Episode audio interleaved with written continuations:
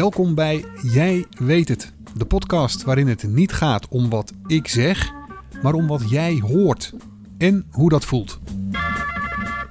Nou, wat jij hoort en hoe dat voelt, heb je me de afgelopen week goed laten weten. Ongelooflijk bedankt voor alle reacties in wat voor vorm dan ook. En het delen en doorsturen van mijn berichten en de podcast. Het is heel erg bijzonder om te zien dat de intentie waarmee ik de eerste drie afleveringen heb gemaakt echt overkomt.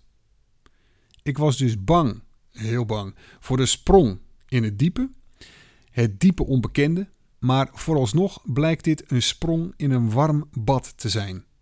Deze vierde aflevering kan ik tot mijn grote plezier ook al fragmenten uit twee opgenomen gesprekken laten horen. Dat klinkt ongeveer zo. Nee, intuïtie is. eh, oh, daar ben ik bang voor een beetje. Nou, eh, niet, niet bij de groenteboer, want d- daar dacht ik niet eens over na. En wat een groenteboer met intuïtie te maken heeft, hoor je dus straks. En verder een gesprek met iemand over weerstand.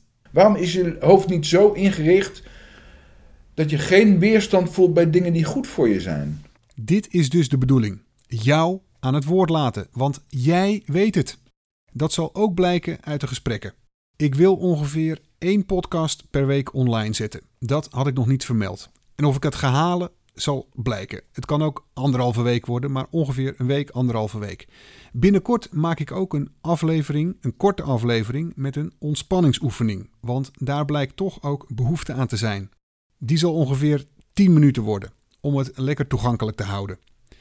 Het zou geweldig zijn als je de podcast een beoordeling geeft. Met name bij de Apple-gebruikers is dat belangrijk.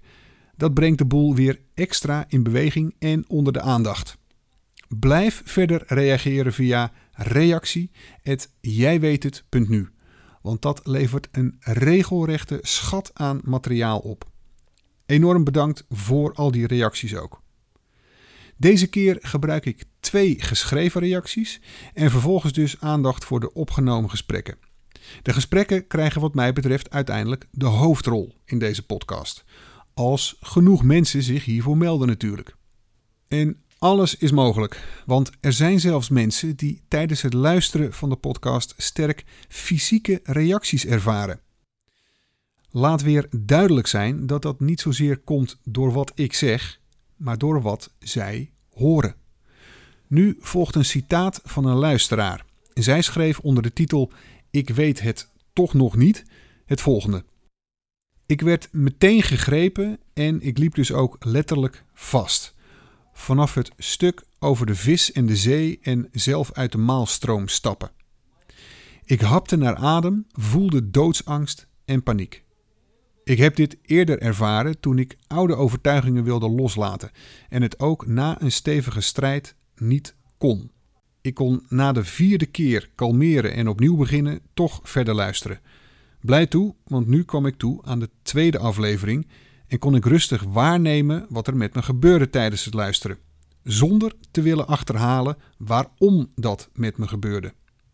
Ja, ik moest huilen, maar anders dan bij de eerste keer raakte ik niet in de war door te gaan nadenken over wat er gebeurde en waarom.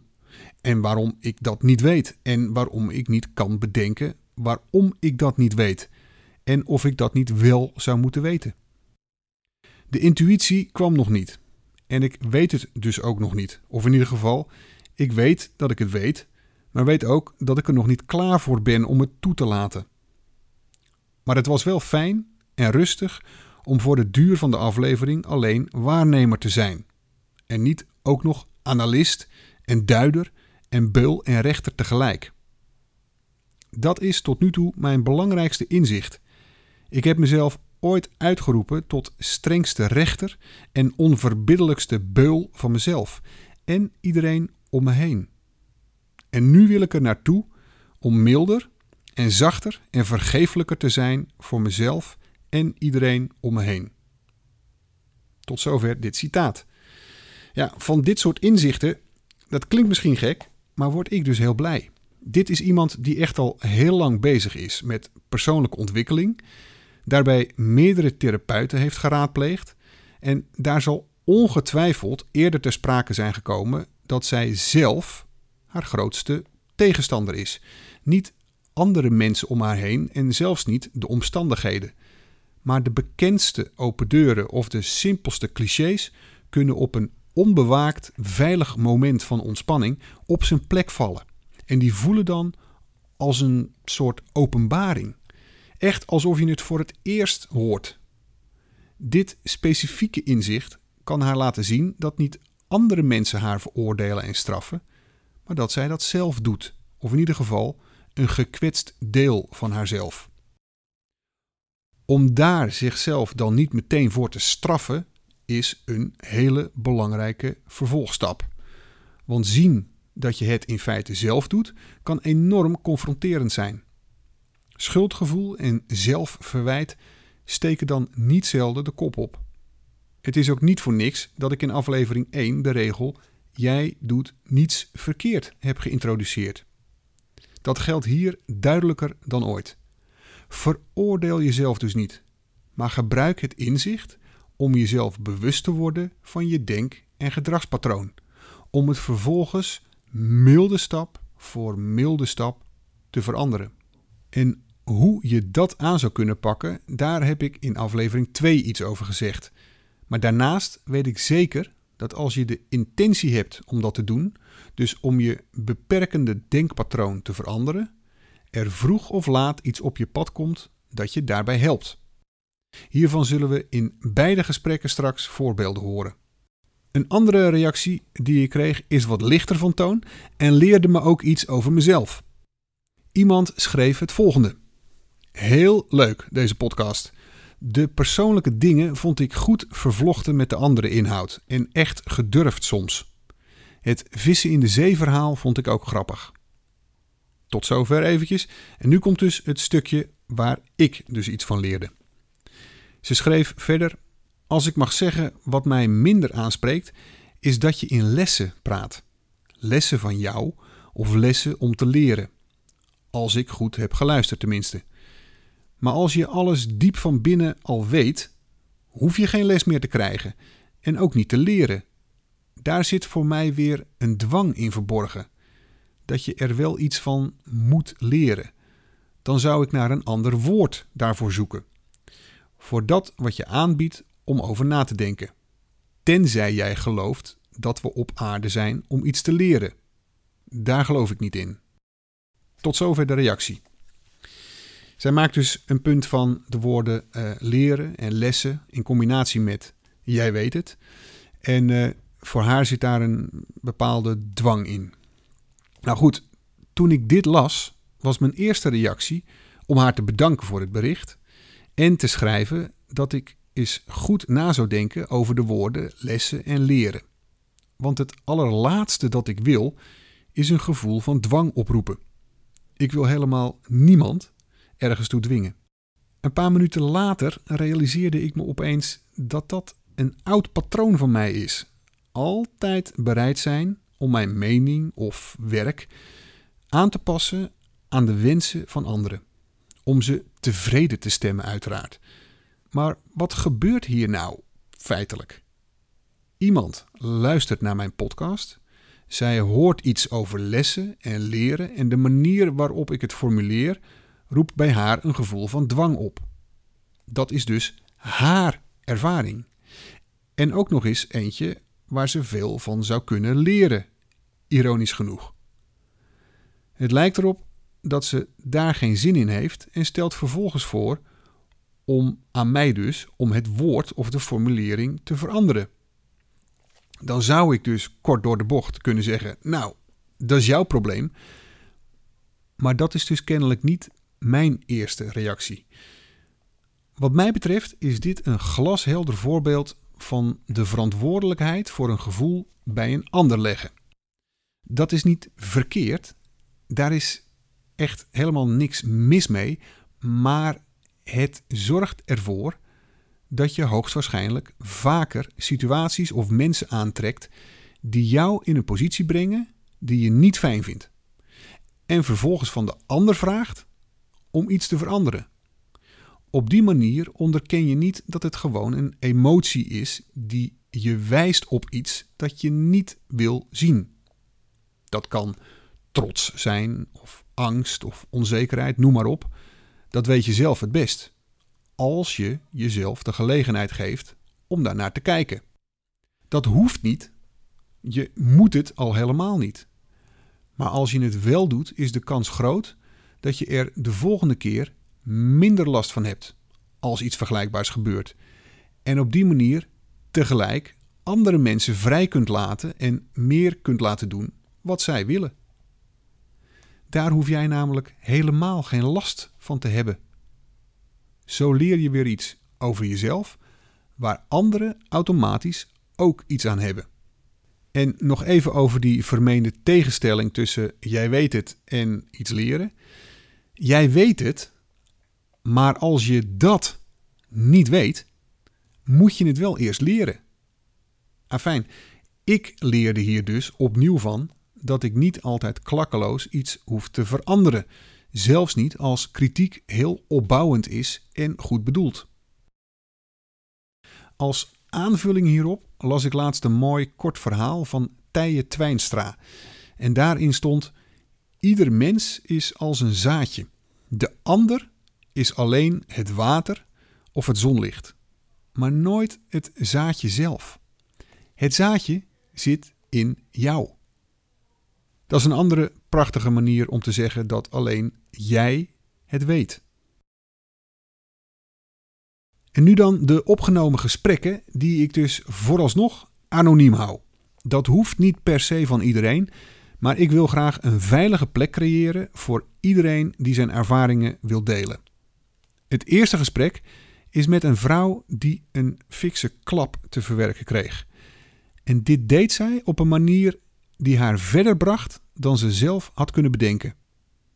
In één klap was ik uh, binnen twee dagen al mijn werk kwijt, terwijl ik 55 jaar was. Ja. Dus wat doe je dan? Dan zit je onvoorstelbaar. Nou, niet meteen in de put.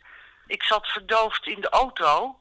En toen dacht ik, uh, mijn vader uh, stierf op zijn 55ste. En voor mij ligt de wereld open. Dus dat is best wel een positieve gedachte als Ja. je dat net hebt gehoord. Ja. Maar dan moet je eraan gaan werken. Ja, en dat duurt gewoon, dat heeft zeker anderhalf jaar geduurd. Voordat ik er overheen was en voordat ik weer een nieuwe weg vond. En eh, zou je dan kunnen zeggen wat je daarbij geholpen heeft? Eh, wat mij heel erg heeft geholpen is elke dag minimaal vijf kilometer wandelen over het strand en over de duinen. Ik woon vlakbij het strand en de duinen. Ik heb letterlijk mijn zolderkamer opgeruimd. Dat was bijzonder prettig. En figuurlijk Want dus. dan kom je. Wat, eh, ja, figuurlijk. En, want eh, als, je het letterlijk, eh, als je letterlijk je zolder leegruimt, dan komt er ruimte vrij in je hoofd. Ja. En daar ben ik heel fanatiek mee bezig. En dan voelde ik me zo ongelooflijk lekker na een dag, terwijl ik hartstikke ongelukkig was. Want ik dacht, wat moet ik nu verder met mijn leven? Ja. Ik heb niks meer. Behalve dan geld van een rechter meegekregen. Maar Ja. dat is dan voor je pensioen, weet je wel. Ja. Ehm, dus dat is twee. En iemand heeft mij, eh, een, een vriendin van mijn dochter, eh, die heeft mij een mantra meegegeven. Want in het begin was je alleen maar bezig, je herkent dat misschien wel, Johan. Dan, dan, dan, gaat het alleen, maalt dat alleen maar door je hoofd. Hè, van, en je droomt ervan. En, en Ja. je bent eh, verdrietig en je bent kwaad. En, maar daar moet je vanaf. En toen gaf eh, die vrouw mij een mantra door. En eh, dat was een soort lichtmantra van... Oh God, eh, bring light in my heart and light in my right hand and my left, right, light before me and behind me and, uh, and uh, above me and most of all below me. Want dan word je opgelicht, weet je wel. En, en Go- eh, Lord of God of wie dan ook, who knows the secrets of my heart, lead me out of darkness. Oké. Eh, Maar, en- maar en toen jij die kreeg, toen jij die kreeg, Ja. kon jij daar meteen iets mee? Of? Nou, en dat is echt zo raar. eh, Johan. Ja. Je, je zegt dat ding op. Ik moest hem eerst op papier hebben natuurlijk. Had jij ooit En- eerder een mantra opgezegd? Never, nooit, nooit. En, eh, en dan, dan zeg je dat. En nu ik hem net heb uitgesproken, voel ik weer de haren in mijn nek overeind gaan staan. Als je dat hebt uitgesproken, dan voel je je echt even opgetild en verlicht. En elke keer als ik weer dreigde om weer te malen en te denken en kwaad te worden en verdrietig te zijn, eh, zegde ik weer die mantra op. En dat deed ik in het begin misschien wel twintig keer op een dag. En steeds minder. En het helpt gewoon. Het is natuurlijk een soort bezwering waar je in meegaat. Ja. En die je je voorstelt dat, dat, dat je ligt op je linker en op rechterhand en voor je en achter je en boven je en onder je. Ja. Zodat je jezelf als een ja, lichtend voorbeeld kan zien of zo. ja, het klinkt wel heel raar, maar, maar het helpt absoluut. En dat wandelen hè, en opruimen, dat heeft me absoluut het allermeest gebracht. Wat goed zeg. En Dat werk was natuurlijk... Jij was dat werk eigenlijk voor een belangrijk deel. dat was echt vreselijk. Hoe dat, kijk je daar- Dat werk. Ja, want het had, was een groot deel van jouw identiteit, zou je kunnen zeggen. Mhm. Hoe kijk je daar nu op terug? Ja, maar ik heb zoveel identiteiten, tenminste. Ja. Nee, dat is niet, dat is niet goed gezegd, maar ehm, op, op een gegeven moment dan besluit je dus om eh, de mensen te vergeven die Ja. jou verraden hebben en zo. Hè? Want je voelde je verraden. Ik, ik ben gewoon helemaal verraden, want het was gewoon, het ging helemaal nergens over. Maar dat heb je altijd bij dat soort, ja, in bedrijven en eh, als je ergens in vaste dienst bent, dan gaan er soms, zijn er soms mechanismen. En ik ben een beetje pain in the ass. Dus ja, daar houden ze niet van natuurlijk bij een bedrijf. Jij zegt dus eh, vergeven. Dat, eh, dat klinkt heel mooi, maar hoe doe je dat? Ja, daar, daar heb je wel, dus daar had ik die, die, eh, die dingen nodig die ik je net noemde: wandelen, opruimen en, en, en mantra. Nou ja, dat duurt gewoon twee jaar. Rouw, dat is gewoon een rouwperiode, zoals je ook bij. Maakt niet uit als je iets of iemand verliest. Duurt twee jaar. En Ja. dan op. Oh, je, jouw vraag was natuurlijk van hoe kan je dan vergeven op Ja, gegeven kun je een concreet voorbeeld Dat- geven? ik dacht echt heel sterk, ik ga naar de directeur bellen en ik ga zeggen, eh, zullen we eens een kopje koffie gaan drinken? Want we moeten toch even nu na twee jaar het even uitpraten. En we waren echt, ik, ik, ik, ik, ik beschouwde haar echt als een she-devil. Hoe ging oh, dat ja, gesprek? Er stond dan ook nog, nou ze was hartstikke zenuwachtig, maar ik helemaal niet. En ze vond dat ik er goed uitzag en eh, respect dat ik haar had opgebeld en... eh, nou ja, en ik heb gezegd eh, hoe ik het allemaal ervaren heb. Het was bijzonder heftig. Maar hoe was dat om dat dan Maar te zeggen zo- tegen haar? Om dan, hoe, je, hoe jij dat ervaren had? Ja, ze luisterde en toen zei ik, hoe heb jij het dan ervaren? En eh, ja, daar ging ze niet op in. Hmm. Dus ik dacht, ja, is jouw ding. ik heb het gezegd. En eh, toen zei ik, zullen we nog een, een wijntje doen? Eh, nou ja, ook nog een wijntje. En toen, nou, hartstikke fijn dat we hebben gepraat, zei ik. Ik ben helemaal opgelucht. Zo, weet je wel. En ik was ook, ja, ik dacht, nou, ik ben er vanaf. Mooi. En toen, vanaf dat moment, ging het vloeien. Want dat is het, je, je, je moet dus... eh, alle barrières moeten, moeten neer. En dan kan het water gaan waar het mag gaan. Nou, dat heeft opgeleverd dat ik eh, mijn allereerste documentaire heb gemaakt eh, in mijn hele leven. Op mijn zestigste jaar. Eh, en dat hij waanzinnig eh, veel succes heeft. Want hij heeft de NL Award gewonnen voor beste documentaire. Vorige week was ik in Novi Sad, Servië. En daar is hij uit 45 inzendingen uit heel Europa tweede geworden. En eh, ja, er er hebben al zes, zeven landen belangstelling. Waaronder Al Jazeera English. Ja, het is niet te geloven, Eh, Johan. maar- en dat zag jij natuurlijk allemaal al lang aankomen toen jij ermee bezig was. Nee, nee, nee, nee. Maar wel intuïtie dit is een hartstikke goed onderwerp dat jong en oud ehm, eh, eh, aantrekt. Even het verhaal in het kort. Omdat het, het verhaal in het kort is gewoon het laatste jaar van een groenteboer en zijn vrouw in hun winkeltje dat ze al 65 jaar eh, bestieren en ze willen niet ophouden, maar het kan gewoon niet meer. Dus ik ben gaan filmen zonder geld, zonder wat dan ook, met een, met een cameraman die hier in de buurt, waarvan ik wist dat hij een camera had. En ik zei, we gaan elke week een uur filmen. En eh, hij was ook meteen om, want alles was goud. Noem de titel eventjes, En- want mensen kunnen hem terugkijken hè, via NPO. Ja, van, ver- van verlies kun je niet betalen. Bij NPO 2 Start kun je hem nog zien. Hij is 1 januari op primetime door NCRV, KRO of NPO 2 Doc uitgezonden. Nou, en denk ik, hoe is het mogelijk gewoon? Het is, het is, ja, ze hadden, me, ze hadden me dus bij de omroep geen betere dienst kunnen bewijzen dan mij toen te ontslaan. Tot zover dit fragment. Om meteen met het laatste te beginnen, achteraf kunnen we vaak zien hoe tegenslag ons iets gegeven heeft. Al was het maar de gelegenheid om boven ons oude zelf uit te stijgen. Tijdens of kort na tegenslag is dat praktisch onmogelijk. En dat is volkomen begrijpelijk, volkomen natuurlijk en vanzelfsprekend. Tenzij tenzij het ons lukt om op een andere manier naar tegenslagen te gaan kijken. Dat betekent op geen enkele manier dat er geen of minder reden zou zijn om zwaar gebukt te gaan onder tegenslagen. Dus om je heel slecht te voelen, om er letterlijk ziek van te worden, om er onder te lijden, om er bijna aan ten onder te gaan. Daar is en blijft altijd ruimte voor. En in dit verhaal duurt die periode van ziek zijn en slecht voelen ongeveer twee jaar. Dat was kennelijk nodig.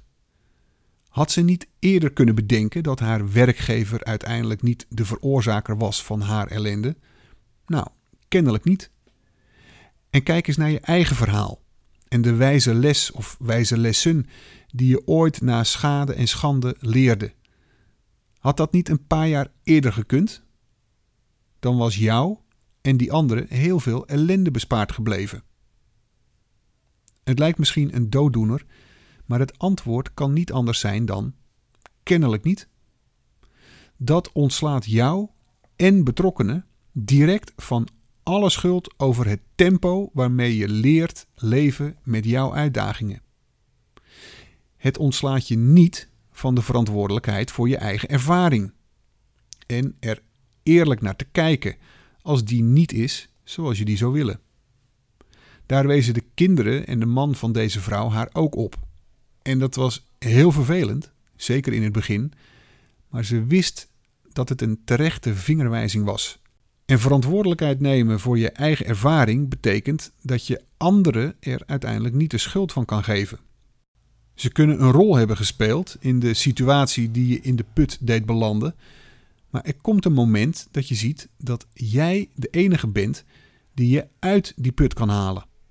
Stukje bij beetje en alleen op je eigen tempo. En niet snel genoeg bestaat niet. En niet goed genoeg bestaat ook niet. Dat zijn alleen maar oude verplichtingen die ons ooit zijn aangepraat of die we ooit zelf bedacht hebben. Maar die hebben niet het eeuwige leven. En dan kan het uiteindelijk zelfs zo uitpakken dat de rol van de she-devil was om je de gelegenheid te geven boven jezelf uit te stijgen. En internationaal succes te oogsten met een film uit je hart. De tweede film moet ook gemaakt worden. Of niet? Ofwel, wat betekent dat gevoel van twijfel nou precies? Dit is deel 2 van de filmmaakster. Ik ben het nu aan het onderzoeken. Maar ik heb eh, op zich een fantastisch onderwerp en qua beeld al helemaal. Maar het is een heel groot onderwerp. eh, wat je dus weer helemaal moet gaan verkleinen. Dus eh, ik, ik moet goede figuren erbij zoeken. En die heb ik ook wel. Maar dan nog eh, heb ik niet datzelfde gevoel als bij de groenteboer.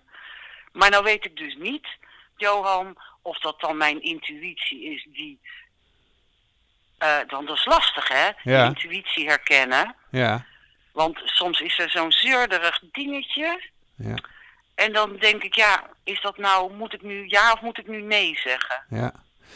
Dus, maar je kan het onderzoeken. En daar ben Ja. ik nu mee bezig. Nou, dat is inderdaad onderzoeken eh, is sowieso een heel goed idee. En om dat verschil te zien of te voelen, Mhm. is volgens mij eh, een goede om te bedenken dat ehm, intuïtieve gevoelens of dingen die intuïtief opkomen, die voelen eigenlijk vaak vanzelfsprekend of rustig Mhm. of heel duidelijk, weet je wel. Je kunt er niet Ja, omheen. rustig, Zo is klopt, het gewoon. Ja, en- precies. Eh, als er dingen zijn die, die zeg maar juist eh, onrustig voelen of eh, een beetje vervelend of ehm, angstig zelfs. Dat Mhm. zijn vaak die, die dingen die uit dat, ja, wat ik dan even simpel ego noem. Dus dat, hè, dat stemmetje dat het beter weet. Zo van, ja, Ja, dit zou je eigenlijk wel moeten doen. Nou, van dat intuïtie moet je helemaal niets. nee. Helemaal niets, weet je wel. Als je het niet doet, ook goed. Alleen, dan is er wel een kans dat het je steeds, dat het steeds terug blijft komen, zeg maar. Dat zeg je wel mooi, Johan. Want eh, eh, intuïtie voelt rustig. Ja. Intuïtie is rust. Ja, En bij die anderen zit je te denken, ja, ja. ja, Dus ik zit nu dus in een dilemma. Nou, dilemma, ik ga het onderzoeken. ja, En dan kan ik altijd nog beslissen van ja of nee. ja, Ja, dan ga je natuurlijk vergelijken met de groenteboer. Ja, het wordt nooit meer zoals de groenteboer. Nee. Nee, dan moet je dus helemaal Nee. weggooien, dat hele... ja. Dit is totaal eh, anders. Ja, intuïtie is lastig, want dan zeg je ja, mijn intuïtie zegt A. En dan eh, eh, later dan denk je nee, want je wist al dat het B was. Maar je hebt Ja. toch A gedaan. Ja. En dat is verkeerd uitgepakt. Dus ja, ja, het valt niet mee om er naar te handelen. nee. Want het, het eh, is Nou, zeker... ja, als, je, als het echt gewoon zo'n inval en intuïtie, dat je ze gewoon zeker weet, dit is het. Ja. Dan hoef je er nooit, dan, dan, Ja. dan ga je er gewoon mee door. Ja. Maar het gaat om die twijfels Eh, ja, is dit nu intuïtie, is dit nu mijn intuïtie? Of zegt dat stemmetje, nee, niet doen, past er niet, past niet bij je, of weet ik veel. Dat vind ik lastig te herkennen, maar wat jij zegt over dat rust, dat is wel een goeie. Want als ik kijk naar de groenteboer, dat, dat die heeft alleen maar rust om me heen. Ja. Al die tijd. Ik, ik moet aan, nog aan één dingetje denken. Misschien kun je daar iets aan, aan hebben als afronding. Je pakt gewoon een muntje. Maakt niet uit welke Ja. munt. Een munt met, eh, met, de kop, met kop en muntkant natuurlijk. Kop is ja. En munt is nee. Of andersom, dat maakt natuurlijk niet uit. Snap je wat ik bedoel? Dus Ja. kop betekent ik ga dit doen. Ja. Hoe lastig het ook gaat worden. En munt, En is nee. Ik trek de, strek, eh, trek de stekker eruit en ik bel mijn producent op en ik zeg: Sorry, dit ga ik niet doen. Je gooit die munt op en de kans is vrij groot dat terwijl die munt nog in de lucht hangt, dat je dan Mhm. eigenlijk al weet welke kant je het liefst zou willen. Oh, Snap je wat ik bedoel? En, en als die dan op negatief valt, Als hij dan op negatief valt, kijk, die munt gaat jou natuurlijk nergens toe verplichten. Dat, dat, dat is duidelijk. Snap je? Maar als hij, Mhm. als hij valt op nee en jij denkt, shit, ja, ja, dat vind ik toch jammer. Nou, dan heb je je antwoord. Als Ja, hij ja, valt ja, op ja en je denkt, oh god, nee, ik zie het echt helemaal niet zitten, weet je wel, dit wil ik gewoon niet.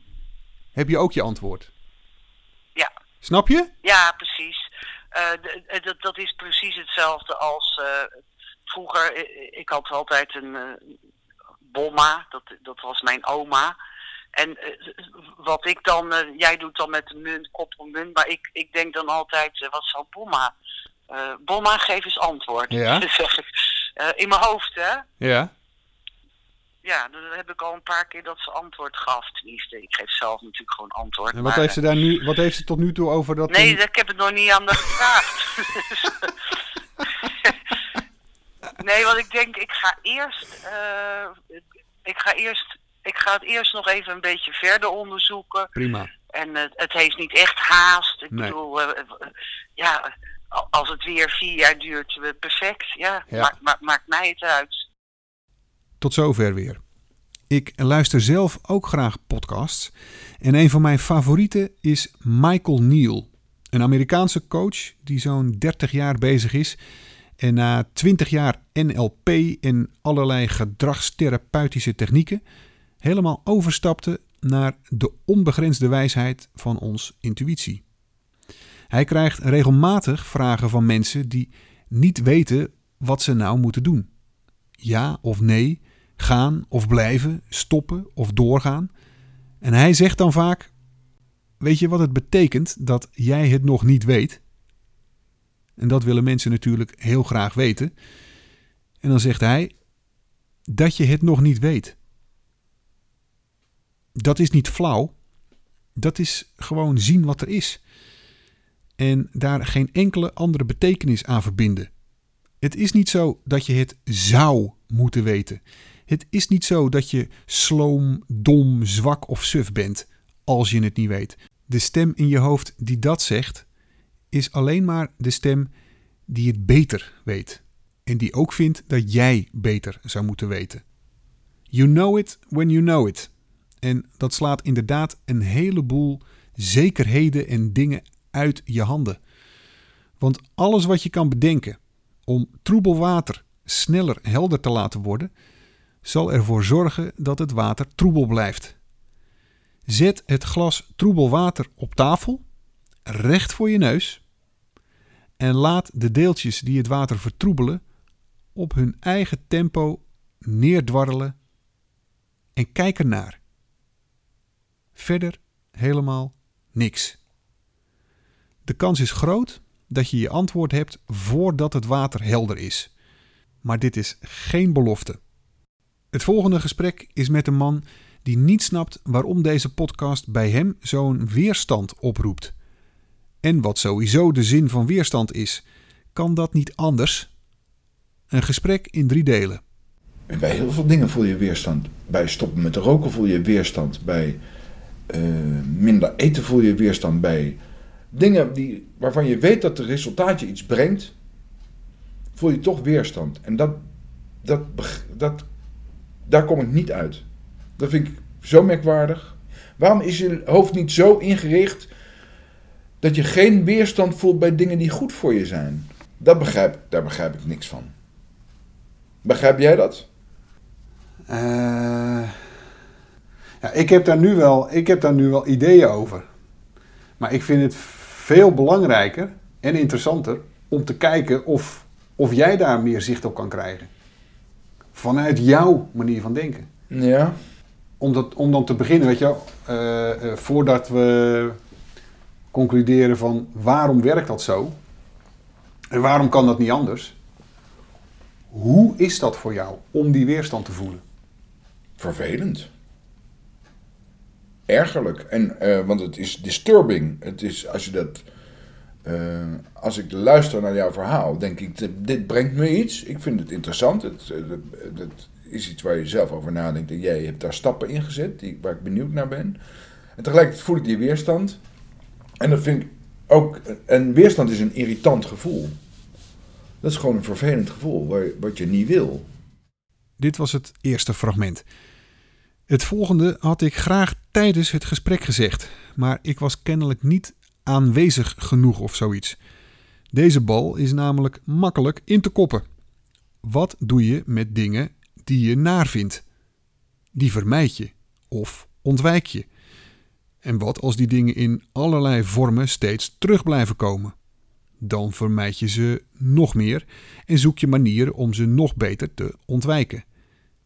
En wat als ze niet meer te vermijden of ontwijken zijn. Dan verzet je je ertegen. Je biedt er weerstand aan.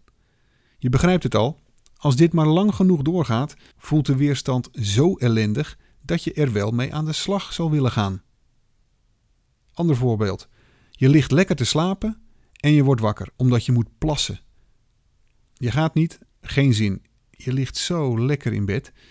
Het is lekker warm, heel comfortabel en een uur later Zelfde verhaal. Enzovoort. Weerstand bieden tegen een volle blaas, dat is bij voorbaat een verloren wedstrijd. Uiteindelijk stap je toch maar uit bed en de opluchting is weldadig. Het leven gaat niet om winnen. Het leven gaat gewoon zijn goddelijke gang. En als wij dat niet zien zitten, zullen we het voelen. In het volgende fragment laat deze man zien dat je ook zelf weerstand kunt creëren om een impasse te doorbreken. Bijvoorbeeld door je voor een cursus stoppen met roken op te geven. Het feit dat je daar naartoe gaat, dat je de stap voor jezelf zet en nu wil ik stoppen met roken. En ik ga daartoe naar een bijeenkomst met allemaal mensen die dat willen. En ik ga de, de leuterverhalen over roken en niet roken ga ik daar aanhoren. Terwijl ik die allemaal al ken. Ik heb ook, de, de, je kan die cursus overal in het land doen. Ik heb, ik heb mijn cursus geboekt in Den Helder. Dus daar moest ik dan helemaal naar Den Helder toe. Echt wat voor doen? Door echt, een, echt iets voor doen. Een happening werd dat voor mezelf. Die het voor mijzelf ook belangrijker maakt, groter maakt, een grotere happening maakt. Zodat het voor mij moeilijker wordt daarna om te zeggen, ja, maar ik ben helemaal voor naar Den Helder geweest. Dus ga ik niet nu en passant een sigaret opsteken. Goed idee. Ja, vond ik ook. En dat, en dat werkt ook wel.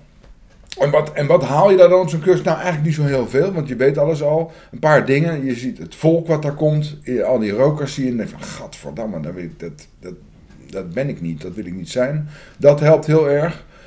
En ehm, eh, ze leggen je uit hoe die verslaving werkt. Dat is ook altijd wel weer verhelderend. En wat ook heel erg goed helpt, is dat ze zeggen... Je moet daar ook niet te veel over janken dat helpt ook. En dat helpt sowieso. Dat is een les voor het leven sowieso wel, vind ik. Dat je niet moet, niet moet niet de dingen te groot maken. Als ik op de bank ga zitten en ga tegen mezelf gezegd: Jeetje, wat erg dat ik niet mag roken. Zielig. En dan mag ik heel veel snoepen of heel veel andere dingen. Mag ik nu ineens, omdat ik niet mag roken. Nee, dat, je mag gewoon geen sigaret roken. Dat is eigenlijk alles wat het is. En dat is helemaal niet zo groot, helemaal niet zo ingewikkeld. Ja. En dat moet je gewoon niet doen, want het slaat nergens op. Het is een onzinbezigheid. Als je het resultaat vooraf zou kunnen voelen. Ja, nee, dat kan niet. Dan ga je met plezier naar Den Helder. Ja. En dat is niet zo. Ik denk van, god, kut, ga ik naar Den Helder. Ja. Terwijl als je zou voelen wat die investering je oplevert.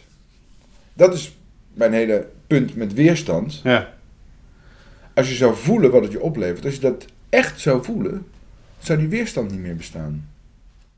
Tot zover het tweede fragment van dit gesprek.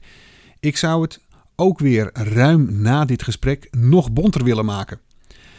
Als je echt goed zou kunnen doorvoelen hoe het zou zijn om gestopt te zijn met roken, of beter gezegd, als je nu al echt zou kunnen voelen hoe je je dan het liefst zou willen voelen, dan heb je die cursus misschien niet eens meer nodig. Ik sprak eens iemand die na een scheiding alweer een jaar of zes alleen was. Hij wilde echt wel weer graag een vrouw om samen mee te zijn in de vorm van een relatie. Toen vroeg ik hem hoe dat zou voelen voor hem, aan welk gevoel hij eigenlijk behoefte had. We stonden een biertje te drinken op een zonnig terras, dus hij keek me eerst een beetje vreemd aan, maar begreep volgens mij wel wat ik bedoelde. Als het je lukt om te ervaren of voelen hoe het zou zijn als jouw wens, jouw grote wens, werkelijkheid zou zijn, kun je tegelijk ervaren dat de dingen of mensen die je daarvoor nodig denkt te hebben, daarvoor dus niet nodig zijn. Ik zeg niet dat dat dagdromen, zoals je het zou kunnen noemen, een relatie met een leuke partner vervangt. Absoluut niet. Maar de ervaring van dat fijne, verbonden gevoel om gezien, gehoord en geliefd te worden, maakt je minder gefixeerd op die behoefte aan die persoon. En dan kan zo iemand zomaar op je pad komen en dan zul je daar minder verkrampt op reageren. En als dit binnenkort gebeurt, moet je mij dit laten weten op reactie. jij weet het punt nu, want dan is mijn kostje gekocht. Het laatste gespreksfragment is voor de fans van Marie Kondo. En voor mij was het ook een eye-opener, want ik had niet gedacht dat dwang op een bepaalde specifieke persoonlijke manier ook tot een oplossing kan leiden. Je kan negatieve gevoelens en angst kun je in een doos doen en op de stoep zetten. Wegdoen, gewoon. Uh, hoe dan? Door dat gewoon te doen. Dat en dan zijn ze weg. En dan zijn ze weg. Ja, dat is grappig. Want het is wel iets wat ik de laatste twee jaar ontdekt heb. En het betekent dat ook daar, daarvoor geldt dat dat een, een golvend proces is. Wat je de ene dag beter lukt dan de andere en soms lukt het helemaal niet. Maar ik weet steeds vaker de weg uit het bos te vinden. Je kan opstaan en denken van, gadverdamme, ik heb geen zin in deze dag. Je kan naar je werk gaan en denken, gadverdamme, ik heb geen zin om te werken. En je kan dan bedenken van, wacht even, wat brengt mij dit? Niets. Integendeel, het brengt je chagrijn, verdriet, ergernis.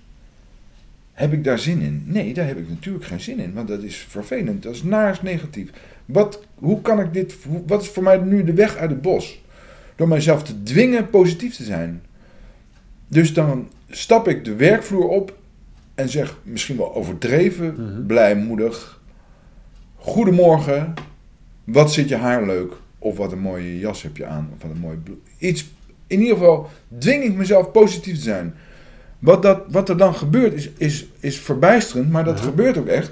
Dan krijg je positieve dingen terug. Zeggen mensen van, oh, nou, bedankt, ja, het is een nieuwe blouse. Eh, eh, ook geef wil je koffie? Ik ga even koffie halen. Nou, graag. Maar dat noem je dan dus nog steeds wel dwingen. Ja, het is, con- dat is wel, dat speelt zich af in het controlecentrum. Alleen dwing je jezelf een kant op die je iets oplevert. Kost dat veel energie? Ja, maar het levert heel snel energie eh, op. Ja. Want als je positief zaait, oogst je positief. Je kan Ja. op twee manieren een winkel binnengaan. Je kan binnenkomen en denken... eh, eh, shit, wanneer ben ik aan de beurt? Wordt er voorgedrongen, wat ga ik hier eigenlijk doen? Oh, de meneer is niet zo aardig. Eh, we- weet ik wel zeker of ik rabarber wil. Je kan daar met allerlei angsten gaan staan. Je kan ook zeggen van, het is wat het is. Ik stap de winkel binnen en zeg... Goedemorgen allemaal. Nou, En het is meteen een feestje. en meteen, eh, het is meteen leuk in de winkel. Heb je het gevoel dat dat je steeds beter afgaat? Zeker. Dus dat het je minder Ja. dwang kost? Ja, makkelijker. minder- Het gaat je makkelijker af. Nou, dan heb je gewoon een hele goede vorm gevonden. Dat, is een, dat, is een, dat, is, dat voelt ook echt als een stap.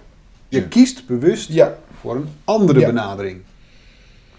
ja, dat is echt een bewuste keuze. Wat, waar, wat bij mij dan nog wel opkomt is, zeg maar, positief denken.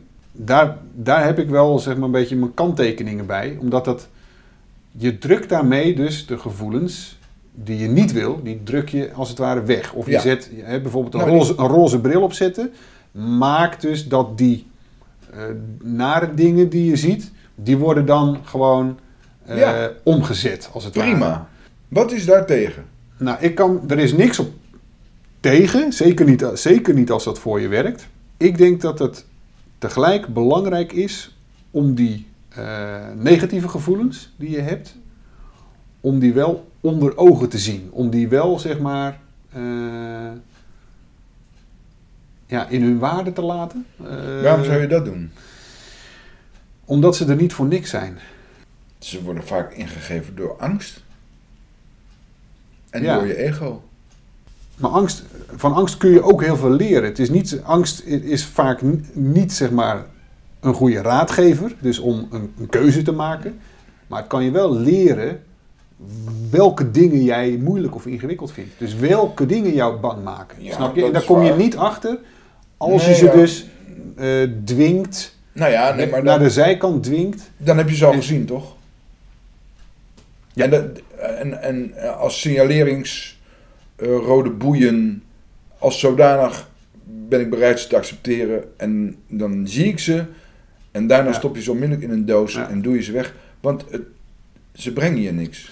Ook niet als, met name niet eh, eh, om dingen te vermijden die ze signaleren. Nou, ik denk dat als jij in de loop der tijd merkt dat dat je beter afgaat en dat het je minder moeite kost, dat is eh, het beste teken dat je eh, een goede vorm voor jezelf gevonden hebt. Ja, Als dingen terug, als je nou dingen hebt waar je moeite mee hebt, wat het ook is, maakt niet uit. En je gebruikt daar een bepaalde tactiek voor. Want je kunt ge- gedragstherapie, je kan er van alles, je kan alles erop loslaten. loslaten. Maar als je blijft merken dat het bij je terug blijft komen, dat er elke keer dat komt er weer een nieuwe situatie waarin iets, waar het weer in een andere vorm weer terugkomt. Ja. Dat is vaak een teken dat je er, nou ja, toch maar eens gewoon Iets rustig naar kan gaan kijken, mag gaan kijken. En dan komt zeg maar, hè, ontspanning kan dan om de, Ja, kan maar een hele goede manier zijn Dat, geloof ik om te leer, daarin te Ja, leren nee, dat ontspannen. Dat geloof ik ook omdat je dan, als je daarin ontspant, dat je dan dingen duidelijker ziet. En ik, Wat ik dan, heb je wel eens van Marie Kondo eh, gehoord? Nee. Marie Kondo is een eh, wereldberoemde Japanse dame en die helpt mensen met hun huis opruimen. In feite doet hij dus ook dan, eh, helpt die mensen om iets in een doos te stoppen. Maar wat ik heel mooi vind van wat zij dan doet en wat ze mensen ook leert, is dat ze, en het gaat vaak over kledingstukken, nou het gaat trouwens over van alles, dingen die je, die je kwijt wil, die je uit je huis wil, die bedankt ze voordat ze in de doos gaan. Dat is nog wel mooi. Want dat zou je kunnen doen als je nou, als je nou even teruggrijpt op jouw eh, theorie dat, dat je angsten niet voor niks hebt. Dat die je signaleren waar je knelpunten eh, zich afspelen. Die zou je natuurlijk voordat je ze in de doos doet prima kunnen bedenken. Bedankt. Bedankt voor het mij vertellen waar mijn knelpunten zitten. En nu stop ik je in een doos. Als je is- inderdaad herkent, als je de dingen herkent die je niet meer nodig hebt, dat is eigenlijk dat is een helemaal een, een mooie neutrale manier van eh, zeggen. Of de- en, en, en je kan die bedanken inderdaad. Dankjewel, ik heb jou nu niet meer nodig. En je in de doos, in de doos eh, en stuk plakband eromheen, weet ik plakband veel. om, ja. Nou, strik doe ik er vaak mee. ja, serieus. Als ik die doos voor me zie, zie ik een doos met een strik. Volgens mij eh, is dit een eh, geweldige methode eh, Ja, ik ben er ook blij mee. om te gebruiken. Ja, ik ben er ook blij mee. Met dit laatste fragment leg ik ook meteen een strik om deze aflevering. Want als dit geen voorbeeld is van jij weet het, dan weet ik het niet meer. Reageren kan via reactie apenstaartje jijweethet.nu. En vergeet de podcast niet te beoordelen waar dat kan. Vooral in de Apple Podcast app. Deel hem als je denkt dat andere mensen er ook iets mee zouden kunnen. En enorm bedankt weer voor het luisteren. En tot de volgende keer. thank you.